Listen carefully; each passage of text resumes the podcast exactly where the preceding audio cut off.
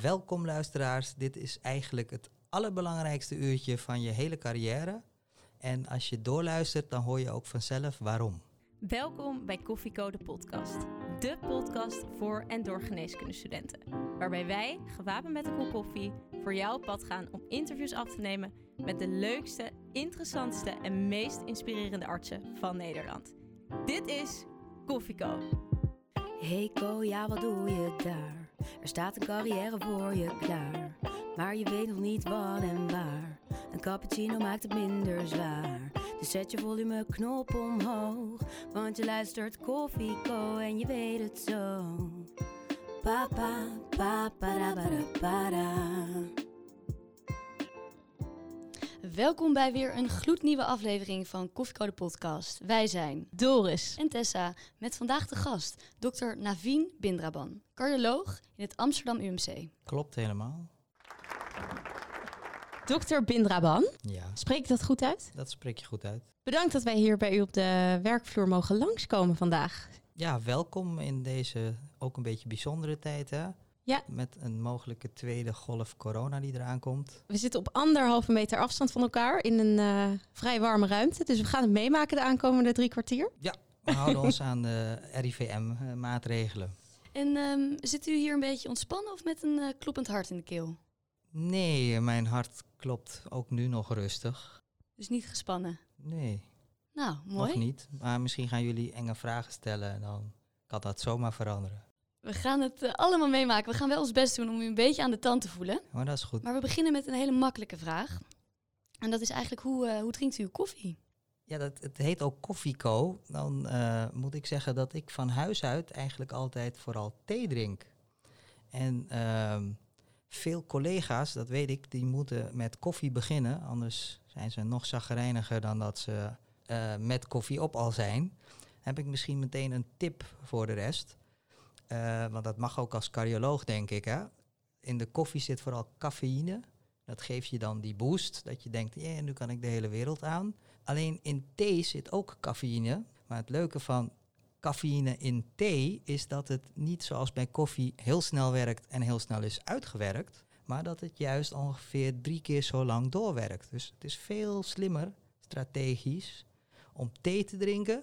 Als als je nog studeert en je wilt tentamen halen, kan ik van harte thee aanbevelen in plaats van water of koffie. Te veel koffie, is dat, is dat goed of slecht voor het hart? te veel koffie jaagt letterlijk je hartslag of je hartritme aan. Sommige mensen kunnen er ook echt eh ritmestoornissen door eh, helpen uitlokken. Oorzaak is een beetje een vergezochte reden. Maar heel veel dingen buiten het hart, die jagen het hartritme aan. Denk aan verliefd worden, gaat je hart meestal ook wat sneller. Maar als je koorts of griep hebt, gaat je hart ook allemaal wat sneller. Dus het hart is eigenlijk een heel briljant orgaan dat eh, misschien gelukkig niet hoeft na te denken zoals dat brein, maar wel ervoor zorgt dat je zelf in leven blijft. Voordat we het uitgebreid over uw liefde voor de cardiologie gaan hebben, is het wel, vinden we het altijd een leuke vraag om even te horen hoe die liefde voor de geneeskunde nou tot stand is gekomen. Hoe bent u daarbij gekomen? Eh, dat is een goede vraag eigenlijk, wat denk ik mijn moeder veel beter kan beantwoorden. Want die vertelt mij altijd dat ik kennelijk als klein jongetje al altijd dokter wilde worden, terwijl mijn beide ouders niet eh, dokter zijn. En eh, het schijnt dat je als jongetje namelijk altijd een fase hebt dat je politie, brandweer of weet ik veel wat wil worden. En die schijn ik nooit te hebben gehad. Dus kennelijk speelde ik altijd al doktertje of zo toen ik klein was. En moet ik zeggen dat ik altijd een soort passie had voor eh, de gezondheidszorg in de breedste zin des woords. Dat trok mij altijd al wel een beetje. Ik had eigenlijk geen plan B. Voor veel dingen heb ik altijd een plan B. Behalve dat ik tot op vandaag niet weet dat als ik geen dokter was geworden, wat had ik dan willen worden? Ik zou het niet weten. De keuze voor geneeskunde was dus eigenlijk vanaf het begin, eh, vanaf jongs af aan al duidelijk. Ja, En wat was u eigenlijk voor geneeskundestudent? Hoe was u? Die jonge dokter Bindrawan. Hoe was ik? Oh jee. Ehm, ik denk net als veel andere geneeskundestudenten, mijn studievriendjes en vriendinnetjes, dat het een van de mooiste tijden is geweest, als ik dat mag zeggen. Studeren is leuk, vooral in de hoofdstad Amsterdam. Nu met de corona kan dat alleen maar ook wat minder, denk ik. En geneeskundestudenten ten opzichte van studievriendjes en vriendinnetjes die iets anders doen genees, dan geneeskunde, ehm, lijken, en dat was ik denk ik ook, wel iemand die goed zijn best doet, omdat je bezig bent met, ik wil later een dokter worden. En je wil niet gewoon een dokter worden, je wil een hele goede dokter worden. En vervolgens moet je dan dus nog bedenken, maar wil ik gewoon basisarts worden of nog iets anders gaan doen? En dat was niet zo klein dat ik al wist, jee, ik ga cardioloog worden. Maar dat is vast jullie volgende vraag. Hoe weet je dan, als je dokter wordt, wat voor type dokter je wil worden? Nou, gaat u gang. En dat, uh, dat heb ik eigenlijk pas in de studie en vooral uh, tijdens mijn kooschappen ontdekt. Mijn trigger voor de cardiologie was dat ik het sowieso het belangrijkste orgaan vond. En zo opvallend vond dat we er relatief zo weinig over leerden. Dat is misschien wel mijn belangrijkste trigger geweest om te zeggen, maar ik wil meer over dat hart gaan weten. Was u toen ook zo'n student die het ECG zeg maar na, na een, een dag al door had? Of had u er ook wat moeite mee? Het ECG is niet iets wat je meteen in één dag door hebt. Maar wel in één dag dacht ik, yes, dit moet je vaker bestuderen. Want wat ik het mooie vind van zo'n elektrocardiogram, is dat je dus toch met gewoon plakkers op je borstkast iets kunt zeggen over hoe het hart ja, het doet of de elektrische activiteit daarvan is. Wat ik ook mooi vond, want dat was niet alleen het elektrocardiogram. Ik weet nog op de eerste harthulp, een van de eerste patiënten, dat je dan iemand met boezemfibrilleren een schokje mocht geven en dan in één keer weer goed ritme had gemaakt. Nou, dan voel je je best wel stoer als dat lukt. En je kunt met een echokop kan je gewoon dat hart zien, vrij non-invasief. Dus zowel een elektrocardiogram als een echo van het hart zijn non-invasief, maar geeft ontzettend veel informatie. En dat heeft mij denk ik meteen gegrepen, want verder moet je soms uh, urenlang een anamnese doen, lichamelijk onderzoek en weet je vaak nog niks. En bij de cardiologie weet je met een ECG en een echo al vrij globaal of je uh, hard moet doorrennen of dat uh, je nog wat tijd hebt om dingen uit te zoeken. Heeft u nou een simpele tip voor de co-assistent om dat ECG onder de knie te krijgen? Ja, het ECG-stappenplan. En volgens mij gebruiken de co's al wat wij vanuit de cardiologie-staf in het uh, AMC, zeg ik nog, want zo, daar is het wel begonnen. Met de website, hè, ECGpedia. Die schijnt ook niet alleen binnen, maar zelfs nu buiten Nederland veel gebruikt te worden. En inmiddels kan volgens mij geen co-assistent meer zonder ECGpedia. Dus volgens mij zijn we daar voorlopers in vanuit de cardiologie. Om dat wat moeilijk is dichter bij de studenten te brengen.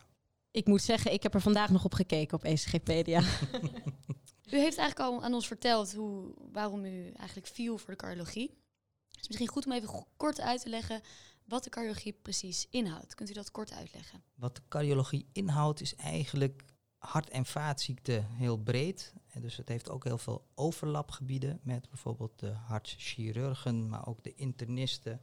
Denkend aan de belangrijkste risicofactoren, hoge bloeddruk, suikerziekte, en hoog cholesterol. Maar wat uh, de cardiologen vooral doen, is een, eigenlijk twee typen zorg. De niet planbare zorg, dus de reanimaties, acuut hartinfarct. Dus de cardiologie is vooral acute geneeskunde.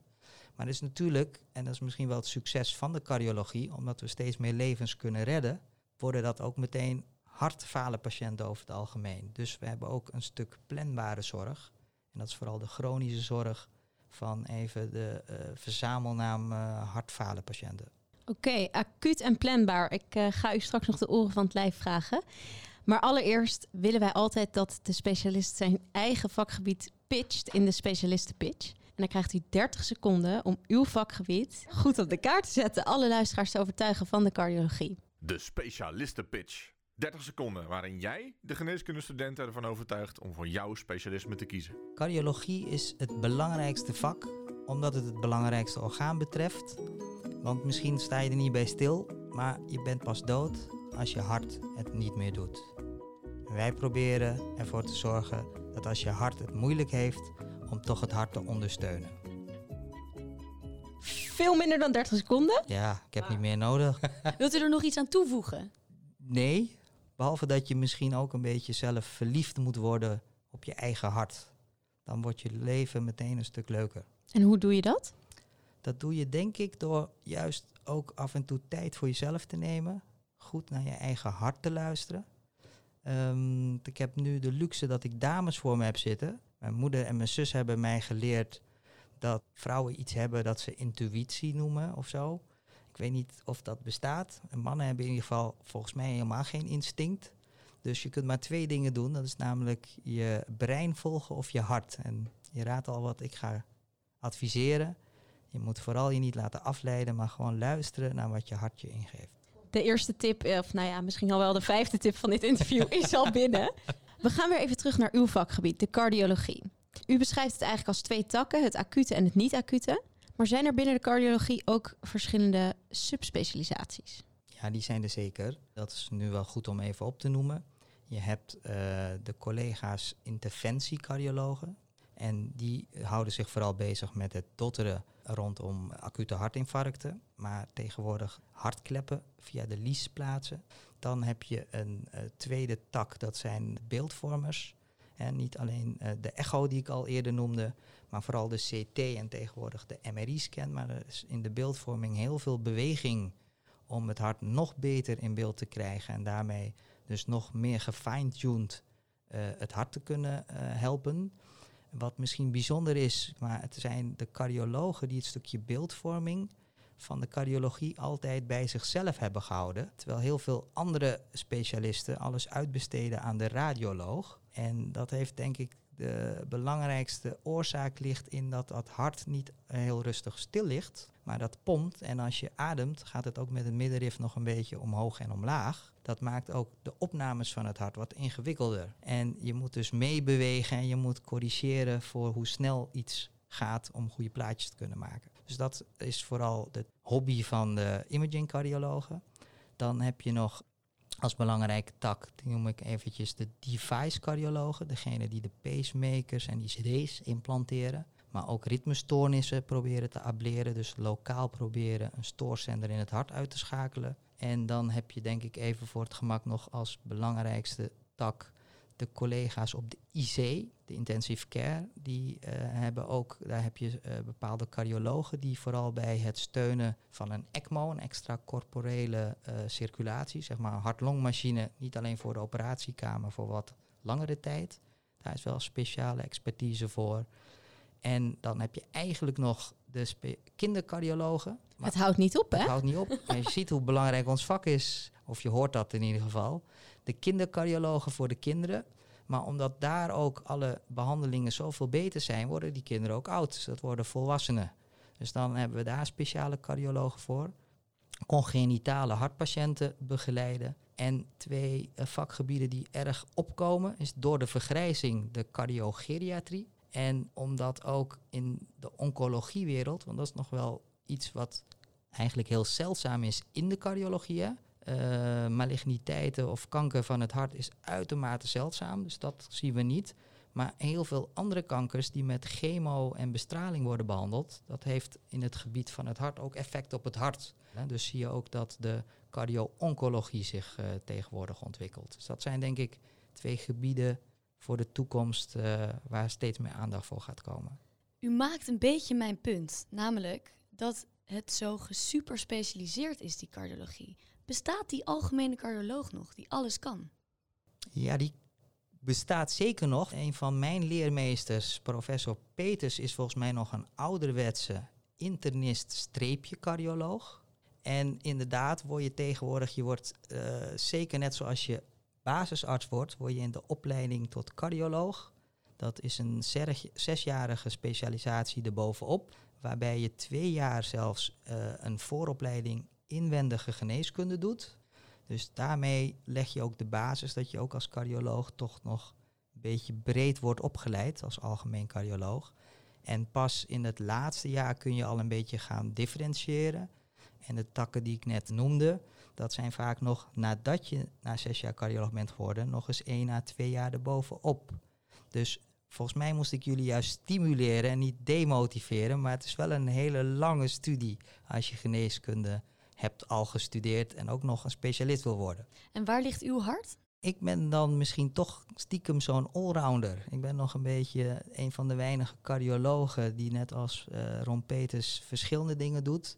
Maar ik ben een beetje vooral de beeldvorming ingerold. En uh, nou, jullie zijn op mijn kamer terechtgekomen. Die zit niet geheel ontoevallig op de afdeling hartchirurgie. En ik doe dus ook veel samen met de hartchirurgen. En daar speelt de beeldvorming ook een belangrijke rol in. Want dan is dat hart helemaal stil op het moment dat je aan de hartlongmachine gaat. En dan moet jij de hartchirurg proberen uit te leggen hoe je denkt dat hij iets moest gaan repareren. En samen, voordat je het hart weer op gang brengt, dan kun je dat natuurlijk met een slokdarmecho bijvoorbeeld op de operatiekamer weer controleren. En dat is een van de dingen die ik uh, ook doe. Ik hoor u al zeggen, echo's, uh, zoals een slokdarmecho, ECG's, MRI's, heel veel imaging. Maar als ik aan een cardioloog denk, dan denk ik aan de stethoscoop. Ja. De ouderwetse stethoscoop, wordt die nog gebruikt? Nou, die is nieuwe wets tegenwoordig, hè? digitaal. En dan kun je alle bijgereizen wegzoomen. Maar dat is misschien ook wel het allerleukste van cardiologie. Dat je met je anamnese, dat gaat met acute geneeskunde, wordt die heel kort hè. Maar de anamnese is echt goud waard. Als je goed doorvraagt, dan helpt dat de dokter om te denken waar deze patiënt last van heeft. En je hebt natuurlijk in het algemeen je basaal lichamelijk onderzoek. En daar kan ook, als je niet cardioloog bent, dan kan de uh, stethoscoop daar eigenlijk niet bij ontbreken. Wij zien als cardiologen bijvoorbeeld, om als voorbeeld te geven, vooral mensen met uh, hartklepgebreken pas op onze poli, omdat de huisarts of een uh, kinderarts een soefel heeft gehoord. En kunnen meestal ook wel, als ze iets afwijkends horen, dat netjes doorverwijzen. Belangrijk, ja. Zeker. Ik, heb, ik loop nu stage bij de huisarts en ik heb laatst nog een soefel gehoord. En als ik dat als co-assistent een soefel hoor, dan voelt het als een soort natuurlijk heel vervelend voor de patiënt, maar als een soort overwinning dat ik die soefel heb gehoord. Ik ben blij dat je dat zo noemt. Alleen moeten we het misschien anders formuleren naar de patiënt zelf toe, inderdaad. Ja. Want wat denk ik ook leuk is, dat uh, we hadden het net over ECGpedia. Ik kan jullie ook allemaal in de luisteraars, misschien hebben jullie dat al geluisterd, van harte aanbevelen. De zogenaamde hartklep game. Dat is een game, in ieder geval een virtual reality-achtig iets waarbij je een, op je spreekkamer als huisarts, dat je uh, gaandeweg een anamnese leert te goed doorvragen op cardiologisch gebied, lichamelijk onderzoek, maar je kunt dus inderdaad ook soevels luisteren en daar zitten wat games bij. En in die zin is het een beetje een spelletje. Hoe vaker je doet, hoe behendiger je wordt en hoe beter je dat kunt toepassen in je dagelijkse praktijk. Wordt u nog wel eens enthousiast als u uh, soevel ontdekt? Ja, dat doen we altijd, want dan lopen we ook alle co's erbij. Uh, wat mij betreft is dat de basis van goede bedside teaching. Dat je met jonge dokters en een wat ervaren dokter langs de patiënt loopt. En dan ook uh, samen luistert en beoordeelt. Daar leert uh, denk ik elke jonge dokter van. U had het net al even over de acute kant van uw beroep. Ja. Um, gaat uw hartslag dan wel eens omhoog? En in wat voor situatie raakt u nog wel eens in de stress? Dat is uh, een hele slimme vraag die je probeert te stellen. Nou ben ik denk ik van nature vrij relaxed. Dus uh, raak ik niet zo snel in de stress. Dat is wel vrij handig als je tijdens een reanimatie ook nog rustig kunt blijven. Wat volgens mij een gouden tip is, en dat heb ik eigenlijk te danken aan mijn ouders. Want uh, sinds ik klein jongetje ben, dan hebben jongetjes ook wel eens iets onrustigs in zich. En ik kan me nog heel goed herinneren, mijn vader is er zelfs niet meer, maar die zei dan altijd ga jij eens even rustig zitten en rustig tot tien tellen. En als je dan nog niet rustig bent, dan krijg je één herkansing, namelijk nog een keer tot tien tellen. En als je daarna nog steeds niet rustig bent, dan ga je de rest van je leven moeten blijven tellen. Nou, en ik weet niet uh, of andere mensen ook zo zijn opgevoed. Maar volgens mij was dat mijn eerste echte uh, yoga-cursus van mijn eigen ouders. En dat is goud waard. Als je dat als jong hebt geleerd, heb je daar later oud ook profijt van. Want rust is goed voor het hart. Ja. Maar er zijn ook heel veel dingen slecht voor het hart. Ga jij ze opnoemen? Nou ja, koffie dus, hè? dat was er al één van. En u ziet best wel veel patiënten die niet zo goed voor hun eigen hart zorgen. Hoe gaat u daarmee om? Doelt denk ik op de leefstijl. Hè? Hart- en vaatziekten zijn niet alleen de belangrijkste doodsoorzaak trouwens, wereldwijd nog steeds. En heeft natuurlijk heel veel met leefstijl te maken. Hè. Roken is een bekende risicofactor en dat heb je letterlijk zelf in je eigen handen. Los van dat de maatschappij vroeger dat denk ik stiekem stimuleerde. Nu zijn we gelukkig in een maatschappij dat dat steeds meer wordt moeilijk gemaakt. Dat roken niet zo verstandig is voor je eigen gezondheid. En uh, roken is inderdaad een van de belangrijkste risicofactoren voor hart- en vaatziekten ook. En dat brengt ons meteen bij, als je aan leefstijl denkt, aan ook uh, voeding en beweging. Overgewicht is een hele belangrijke risicofactor. Maar ik vrees dat de coronacrisis ook wat corona kilo's bij iedereen extra erbij heeft doen komen. En dat zal ook wel in de toekomst nadelig zijn.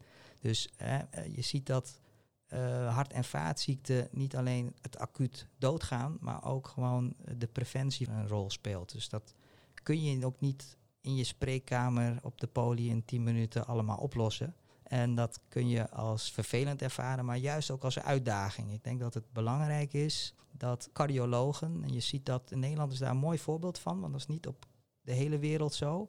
Maar de Nederlandse Hartstichting is een van de grootste stichtingen qua patiënten. Die vragen ook altijd advies van cardiologen. En daarmee zie je dat we in Nederland via die Hartstichting toch een heel groot publiek op die manier goede ja, voorlichting kunnen geven. Dus ik denk dat dat een mooi voorbeeld is voor andere landen die dat niet zo hebben georganiseerd. En even naar de spreekkamer. Er zit een patiënt tegenover u en daar is geen leefstijlverandering in teweeg te brengen. Zo'n Mission Impossible patiënt. Mission Impossible. Hoe gaat u daarmee om? Hoe motiveert u patiënten? Ja, dan moet je een beetje Tom Cruise proberen te worden. Dat je denkt van uh, we gaan het wel voor elkaar krijgen. Maar soms moet je ook accepteren dat ook een patiënt die wel of in jouw gevoel misschien niet genoeg zijn of haar best doet om iets aan die leefstijl te veranderen, die heeft ook recht op de beste behandeling die je die kunt geven. En iets wat mij altijd helpt, is dat je soms, eh, dat ik dan ook wel eens denk van ja, maar denk eens even wat de prognose is van deze patiënt. En die is uh, vaak slechter dan dat je zelf in eerste instantie had bedacht. En dan accepteer je over het algemeen ook wat meer dat patiënten gewoon daar misschien wel moeite mee hebben en zullen houden. Neemt niet weg dat we ook hulptroepen hebben. We schakelen dan bij hartpatiënten de hartrevalidatie in na je hartinfarct. En dan gaat een fysiotherapeut met je aan de slag, de diëtist, zo nodig de psycholoog. Dus we hebben gelukkig als cardioloog ook wat hulptroepen. En misschien kunnen we mede daardoor die leefstijl vaak toch gunstig beïnvloeden. Ik wil het even hebben over uw speciale aandachtsgebied. Of tenminste, wij hebben op internet gelezen dat u zich hard maakt voor etnische verschillen binnen de cardiologie. Ja, dat hebben jullie goed gegoogeld, denk ik dan. Ja. Toen ik verliefd was geworden dus op dat hart en dat ik dacht, nu ga ik cardioloog worden, viel mij nog iets op in mijn studie. Namelijk dat de cardiologie misschien wel voorloper is van evidence-based medicine. Hè? Niet studies met maar 10 of 100 of 1000 patiënten, maar echt tienduizenden patiënten. Viel mij op, hé, maar dat is eigenlijk alleen bij de blanke man zo. Vrouwen en andere etnische groepen zijn tot op heden zelfs vaak nog ondervertegenwoordigd in dat soort studies. Dus dat was bij mij de trigger omdat ik misschien ook zelf geen blanke man ben, om in Amsterdam mijn promotietraject op te starten. En dat is kort samengevat eigenlijk het risicoprofiel van Surinamers. Ik heb Surinaamse roots, vergelijken met de blanke buren. En dat had nog een extra reden, omdat Surinamers relatief vaker aan hart- en vaatziekten overlijden en ook vaker op jongere leeftijd dan andere etnische groepen. En het leuke is dat in mijn studie voor het eerst uh, meer dan de helft vrouw was. Dus eigenlijk ben ik niet alleen uh, begonnen met etnische verschillen te onderzoeken in Nederland, maar ook een beetje de man-vrouw verschillen een boost te geven. En hopelijk krijgen jullie nu in de studie daar wel meer van te horen. Bijvoorbeeld een paar dagen geleden stond het nog in de Volkskrant met koeienletters. Ik weet niet of u het heeft gezien. Het vrouwenhart. Jonge vrouwen krijgen steeds vaker een hartinfarct. Ja. Het is nog steeds een probleem. Het is nog steeds niet opgelost. En journalisten houden daarvan. Hè. Ik weet niet of ze het vaker krijgen. Ik denk dat wij uh, in de medische wereld het nu vaker herkennen en ook erkennen. En volgens mij zijn dat de belangrijke stappen die nodig zijn om iets te kunnen verbeteren. Namelijk dat niet alleen wij, maar ook patiënten zelf iets herkennen. En we hadden het over acute zorg en niet acuut. Maar als iemand gezond is, nu of gisteren, en patsboom onwel wordt, en je hebt geen goede alternatiefverklaring, denk dan alsjeblieft dat het het hart kan zijn. Want dat kan zeker bij vrouwen vaker dan bij mannen, maar ook bij mannen gewoon heel atypisch verlopen. En heeft u daar een patiëntenvoorbeeld van? Wat was nou een casus waar u er zelfs in bent gestonken?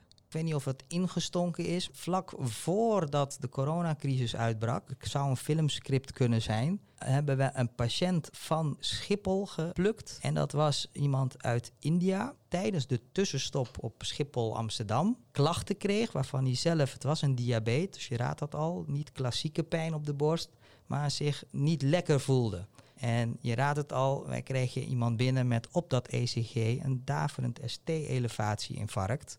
Dus we hebben gelukkig die man, die hebben we gedotterd. En terwijl hij hier lag, had India bedacht, Wij sluiten onszelf af en geen enkele Europeaan is welkom. Dus die arme man kon ook niet terug. Dus dan zie je dat je als dokter ook nog creatief moet worden, los van een leven redden. Dus via de ambassade is die man nog wat weken langer hier gebleven. En uiteindelijk met een soort tussenroute alsnog gerepatrieerd. Maar ja, dat is mij wel bijgebleven. Ik denk van, je zou maar inderdaad op vakantie zijn. En je gaat, denk je, terug naar huis. En tijdens je tussenstop ben je ongeveer bijna dood. Word je geholpen. En vervolgens blijkt er een coronacrisis opeens te zijn, waardoor je niet terug kan. Dus dat is mij zeker bijgebleven, ja. U heeft het over, over een instinker. Nou, dat was dit niet. Heeft u als jonge cardioloog of als oudere cardioloog wel eens uh, iets meegemaakt, een fout meegemaakt van u? En zo ja, hoe gaat u daar dan mee om? Goeie vraag. Ik heb niet zelf een voorbeeld, maar toevallig vorige week nog op de poli een uh, mevrouw met ook een taalbarrière. Dat maakt het altijd nog iets ingewikkelder. Die het weekend daarvoor kennelijk bij de huisarts was geweest. En de huisarts schrijft ook op van ja, wat atypische klachten. En die uh, tikt ook die twijfel eigenlijk in. Ik denk de maag, want het lijkt uh, wat maaltijd gerelateerd, maar ook niet altijd, dus misschien is het toch het hart. Laten we een proefbehandeling maagzuurremmen geven en na het weekend vragen hoe dat gaat met die patiënt. Het weekend daarop schrijft hij zelf, maagzuurremmer heeft deels geholpen, maar de klachten lijken nu bij doorvraag toch ook wat inspanningsgebonden. En dat was waarom de patiënt ons belde. En dat had mij ook kunnen gebeuren als instinker, dat je soms denkt het valt wel mee. Bij twijfel, als je denkt, kan dit een hartpatiënt zijn? En laat ons alsjeblieft meedenken. Dus wij doen heel graag zelfs tien patiënten zien en uh, weer vier terugsturen met dat was niks van het hart. Maar dat, dit kenschetst denk ik hoe moeilijk het soms is om alleen anamnese en je stethoscoop te bedenken, is dit acute geneeskunde of niet? Daar heb je toch je aanvullend onderzoek ook wel voor nodig. U noemde het net al even, u bent van Surinaamse komaf, of in ieder geval Surinaamse roots. Er is de laatste tijd veel te doen over racisme in de wereld, discriminatie. Hoe heeft u dat ervaren als, ja, als dokter in deze Nederlandse samenleving? Uh, goeie vraag. Uh, Black Lives Matter, maar ik denk dat elk leven matters.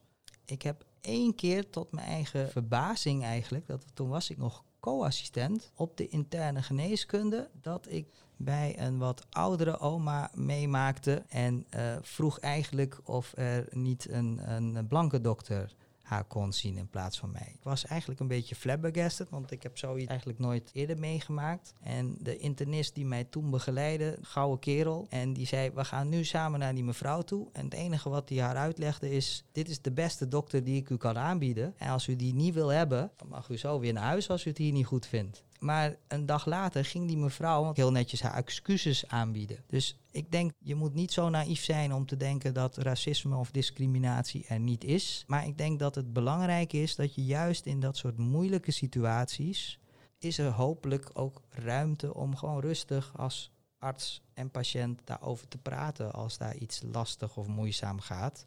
We hebben toevallig recent ook nog fysiek geweld. Dat maken we ook niet zo vaak mee. Verbale agressie is wel iets wat mensen die denken dat ze doodgaan wel vaker naar ons uiten. Maar als een van je collega's letterlijk een vuistslag krijgt, dan denk je wel eens van we zijn in de omgekeerde wereld beland. Als je iets met goede intenties doet en het wordt helemaal omgedraaid, dan weet ik niet wat het doel daarvan is. Maar ik denk dat misschien ook dat soort mensen die zo agressief kunnen zijn, misschien ook die opvoeding met je kunt ook gewoon even yoga doen hebben gemist of zo. Ik ja, weet het niet. Ik denk het ook. U noemt het net al even, de, um, de opleiding, de opleiding tot cardioloog. Hoe ziet die opleiding eruit? De opleiding tot cardioloog is dus zes jaar en is Europees gezien een beetje de verdeling dat de eerste anderhalf tot twee jaar een vooropleiding zeg maar is van de interne geneeskunde en de longgeneeskunde. Maar iets wat nu extra aandacht krijgt ten opzichte van vroeger is vasculaire geneeskunde. Dus dat juist die grote risicogroepen binnen de cardiologie, diabetes, hypertensie, maar ook veel nierpatiënten, dat je daar vooral ook ervaring in opdoet. En dan hou je dus nog ongeveer vier jaar over, drie à vier jaar voor de cardiologie basisarts. En één jaar daarvan is om je alvast een beetje te gaan specialiseren in van die subdisciplines. En als je nou cardioloog wordt, welke weg moet je dan bewandelen? Ja, dat is misschien meteen het goede en het slechte nieuws. In Amsterdam UMC gaan wij vanaf volgend jaar ook de opleiding een beetje samen. En wij hadden in het AMC maar vier plekken per jaar. En er starten volgens mij iets van 400 studenten per jaar. Dat betekent dat wij vanuit de cardiologie altijd op zoek zijn naar die vier beste van de 400. En ons vak is kennelijk populair, dus we hebben ook altijd veel meer aanmeldingen. Dat is eigenlijk helemaal niet leuk. We moeten helaas heel vaak juist studenten en co-assistenten een beetje teleurstellen. En we hebben eigenlijk een luxe probleem, omdat zoveel mensen het willen en we zo weinig plek hebben. Adviseer je eigenlijk altijd om een promotietraject te doen. Dat is een beetje de academische trias, hè, dat je niet alleen goed moet zijn in patiëntenzorg, maar het liefst ook research-minded moet zijn. Dus Ja, maar wat moeten al die co-assistenten? ja, cv-building, dat leren jullie nu toch? Carrièreplanning. Dus de tip die ik mee kan geven is dat eh, promoveren niet alleen drie of vier jaar iets doen is waar je niks van leert. Je groeit daar. Ik heb dat zelf ook gedaan. Maar wat ik wil meegeven is wees creatief. Iets wat niet bestaat kun je helpen ontwikkelen of zorgen dat dat volgend jaar of over twee jaar wel ontstaat. Want jullie lieten mij een beetje schrikken van de huidige wachttijden die ik hoor. En besteed dat nuttig. En nuttig is eh, breed. Je bent jong. Je gaat dit hopelijk de rest van je leven willen blijven doen. Dus je moet ook plezier hebben in het leven. Dat is misschien dan toch de belangrijkste tip. Zoek naar hobby's die goed aansluiten. Ik denk dat het goed te doen is, het vak. Maar als je mensen buiten het ziekenhuis hoort, dan vinden ze vaak dat we toch best wel lange uren maken. U, u vertelt heel veel dingen waar ik op in wil gaan. Ten eerste wil ik even voor alle duidelijkheid. Worden hier ook mensen aangenomen die niet zijn gepromoveerd? Eh, nee. Vindt u dat niet wel ook deels onterecht? Waarom moet je promoveren om, eh, om zo'n opleidingsplaats te krijgen? Het zou eigenlijk niet zo moeten of hoeven zijn, laat ik het zo formuleren. Maar ga ik jullie een beetje meenemen naar de landelijke spreiding. En dan zie je een luxe probleem, hoe dat werkelijk een echt probleem kan worden. Er is zelfs eh, volgens mij door alle opleiders cardiologie, of wordt onderling dus ook met klinieken waar je je vooropleiding doet, die denken mee wie allemaal wel en niet geschikt is voor de opleiding. En als je alleen maar mensen uit eigen kweek zou opleiden, betekent dat je een soort clusters krijgt. Amsterdam tegen Rotterdam of wat dan ook. Met alle respect, Nederland is maar een klein landje. Dus dat moet je niet willen. Dus daar is ooit afgesproken dat je ongeveer de helft van je plekken voor eigen kweek doet en de andere helft andersom. Dat betekent dat mensen gaan afvallen. Dus wij zeggen nu ook heel open en eerlijk, zeker vanuit Amsterdam, dat we ongeveer maar de helft van de mensen die bij onze promotietraject doet, dat kunnen aanbieden. Iets wat we denk ik heel netjes doen, is dat als je bij ons drie à vier jaar hard je best voor ons en andere mensen hebt gedaan, dat wij ook vinden dat we je moeten, als we je geschikt vinden, uh, aanbevelen op een andere plek. En meer dan dat kun je denk ik ook niet. En als jullie tips hebben hoe we dat beter kunnen doen, dan hoor ik dat graag. Oké, okay, nou, het is in ieder geval een duidelijk antwoord. Niet iedereen kan in het uh, elftal van uh, Nederlands Ajax. Er moeten ook mensen op de bank zitten of zelfs op de tribune. Maar wat wel zo is bij Ajax, is dat je moet verdedigers hebben. Je moet mensen die scoren. Je moet een keeper hebben. Kijk. Je moet een mid-mid hebben. Hier hou ik wel van, ja. En dat klopt. Ja, en dat zijn niet allemaal dezelfde mensen die dezelfde weg hebben afgelegd. We hebben ook niks aan elf keepers of elf spitsen. We moeten een goede samenstelling hebben. En dat geldt denk ik voor misschien wel elke vakgroep. Als je topsport wil leveren, en dat willen we graag hè, in het Amsterdam UMC... Dan, moet, dan lijkt die strategie wel een beetje op topsport. Dan moet je niet alleen elf goede keepers hebben, maar een goed team. Zodat je met elkaar als vakgroep elkaar goed aanvult. Dus een topklinicus en een topwetenschapper en een toponderwijzer. Ja, want vaak heb je dat niet in één persoon. Dat je en kunt keepen en een goede middenvelder bent en ook nog de topspits. Dus en waar bent u het beste in? Ik moet vanavond toevallig zaalvoetballen. Ik ben denk ik meer de dienende middenvelder die als het moet kan verdedigen, maar ook nog wel een goaltje kan meepikken. Toch weer alles? Ja, toch een beetje die allrounder in mij. Maar doet u binnenland veroorzaak je ook niet een beetje een toxische uh, omgeving door het allemaal maar zo moeilijk te maken voor mensen die dit graag willen. Als je ziet wat de toekomst biedt, dan is het meer uh, vergrijzing. Zullen er in de toekomst alleen maar meer cardiologen nodig zijn. Maar dan gaan we van 4 naar 8, naar 16 opleidingsplaatsen. En als nog steeds 40 of 60 het per jaar willen doen, gaat die afvalrace wel blijven. En ik denk ook niet dat we dat zo negatief moeten brengen. Dat is juist waarom juist cardiologie zo populair is. Ja. Go for it, toch? Als je denkt dat je het eerste elftal kan halen, moet je ervoor gaan, denk ik. Oké, okay. Want ik denk dat ook mensen wel een beetje afgeschikt zijn als het zo moeilijk is, blijkbaar. Nee, zo eng ben ik niet. Ik wil ook niet afschrikken. Dus als je denkt van oeh, lastig, moeilijk, dan kom je met mij of een van de andere collega's praten. Waarom willen ze zijn weg? Nog even kort. Wat zijn nou drie eigenschappen die een goede cardioloog maken? En dan niet die trias, maar persoonlijk. Nou, dan kom ik op één is hartverwarmend. Volgens mij hoef ik daar weinig verder uitleg aan te geven. In de zin van je moet passie hebben voor het vak, maar met name ook voor je patiënt. Want daar doen we alles voor. Dat is denk ik een belangrijke eigenschap voor elke dokter, maar zeker voor cardiologen. Je eh, hart moet misschien een beetje sneller gaan kloppen maar van plezier. En dat eh, brengt mij bij de tip die ik al zei. Je moet zelf je happy voelen. Dan word je vanzelf ook een dokter die dat, eh, denk ik, op de werkvloer beter kan doen dan als je met tegenzin naar je werk gaat. En de derde eigenschap, en dat heeft met die acute geneeskunde wel te maken, is dat je wel een vorm van nauwkeurigheid moet hebben in die zin niet in de stress moet schieten met oh jee, ik mag geen fout maken. Want dat ligt bij andere vakken wel anders dan bij de cardiologie. Als je bij de cardiologie een fout maakt, dan kan dat levensbedreigende gevolgen hebben voor een patiënt. En dat, ja, dat valt samen te vatten in nauwkeurig handelen. Dus je moet ook een beetje praktisch goed onderlegd zijn. De co-telefoon. Oh, een beller. We hebben een beller. Ja, de co-telefoon. Nou, dat is een item waarin andere co-assistenten vragen kunnen stellen over een vakgebied. En vandaag zijn er weer heel veel vragen binnengekomen. Want zoals u zelf al zei, de cardiologie is, is populair. Yay. is populair. een van die vragen die binnen is gekomen is ook leuk, want we hebben het nog niet over gehad. gaat over de diensten. Heb je als cardioloog veel diensten en hoe zijn de werktijden?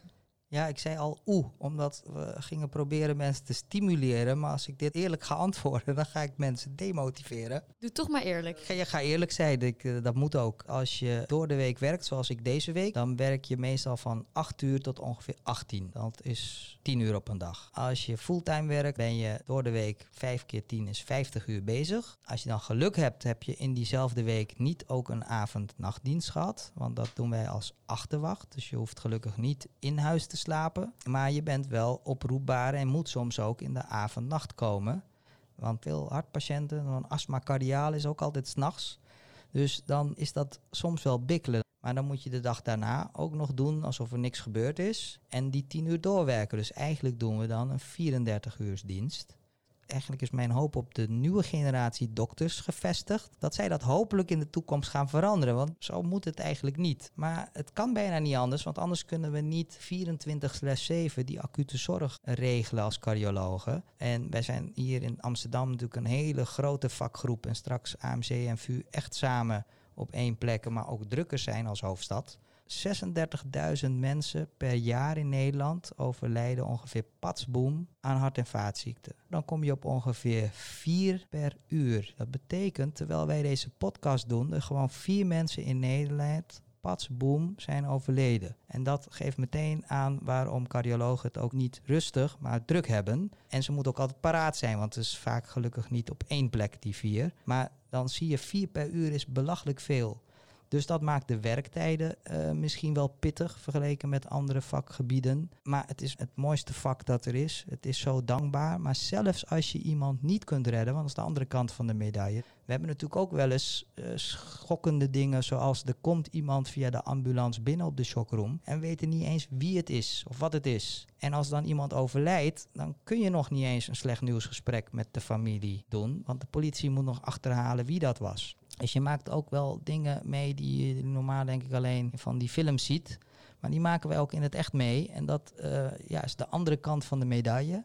Maar als je met een team echt met z'n allen je best hebt gedaan om een leven te redden en het lukt niet, dan heb je er over het algemeen ook wel vrede mee dat je alles hebt geprobeerd, maar het is niet gelukt. Mensen gaan ook vroeg of laat een keer heen natuurlijk.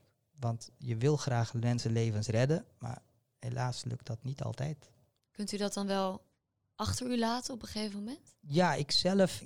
Het heeft misschien zelfs een, een soort positieve boost. Ik was denk ik altijd al van huis uit een levensgenieter. Maar als ik dan gewoon letterlijk op je beroep zie, iemand kan patsboom er niet meer zijn. Je moet denk ik gewoon genieten van het leven, dus ook van dag tot dag. Wel een beetje vooruit plannen, want anders wordt het heel ingewikkeld. Leven van dag tot dag. En als de werkdag daarna 18 uur dan op zit, Wat, wat doet u dan om te genieten? Ik neem af en toe waar op Bonaire het geluk te hebben. En dan is het geen straf om op een tropisch eiland te mogen bijkomen. Dat is toch een beetje anders dan in de winter in Nederland. Ik heb nog één vraag voordat wij doorgaan naar het doktersdilemma. En dat is: bestaat een gebroken hart eigenlijk? Ja, dat bestaat zelfs heel goed in de boeken. En dat heet dan in het Engels altijd stoerder. Dan heet het het Broken Heart Syndrome. Het is eigenlijk een soort stress-induced cardiomyopathy. Dus dat stress, maar ook invloeden buiten het hart hebben effect op het hart. Dus niet alleen dat verliefd zijn, maar ook pijn, verdriet, alles is naar het hart toe te schrijven. En het hart heeft daar dus uh, ja, voordeel, maar soms ook last van. Dus dat kan wel degelijk, dat je gewoon door pijn, verdriet, uh, hartfalenpatiënt wordt. Heeft u wel eens een gebroken hart gehad? Het schijnt dat ik daar goed mee om kan gaan. dus dat is een nee. dan is het tijd voor het doktersdilemma. En in het doktersdilemma krijgt u eigenlijk twee uh, opties. En dan uh, moet u gewoon snel kiezen. Oh jee. Kom maar. Het doktersdilemma. Het leven bestaat soms uit lastige keuzes. Denk niet te lang na en geef snel antwoord. De eerste of de tweede harttoon?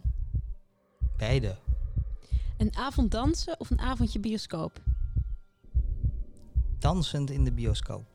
Nuchter of emotioneel? Nuchter. Leefstijlverandering of medicijnen? Uh, daar waar het kan, leefstijl.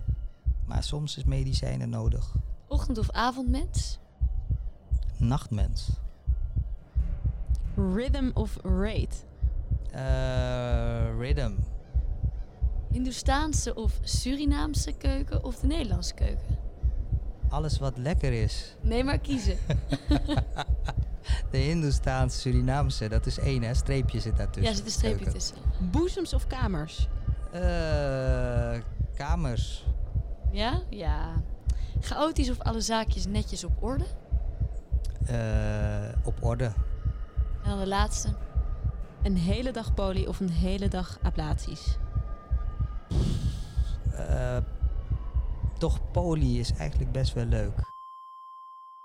Dokter Binderman, u heeft zoveel mooie tips al gegeven in dit uh, interview.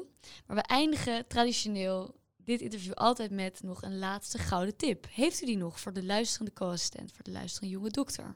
De gouden tip is denk ik heel simpel. Volg je hart, maar vergeet niet om je brein mee te nemen. En als je dat doet, dan vind je vanzelf, dan klink ik nu een beetje boeddhistisch, maar je moet denk ik op zoek naar de gulden middenweg. Er moet ook een beetje uitdaging blijven in je leven. Wij zijn bij het einde gekomen van dit interview. Lief luisteraars, jullie ook ontzettend bedankt weer voor het luisteren naar onze podcast. Uh, Dr. Bindraban, bedankt dat we hier mochten zijn. En uh, tot de volgende keer bij Koffieko. Pa, pa, pa, para, para, para.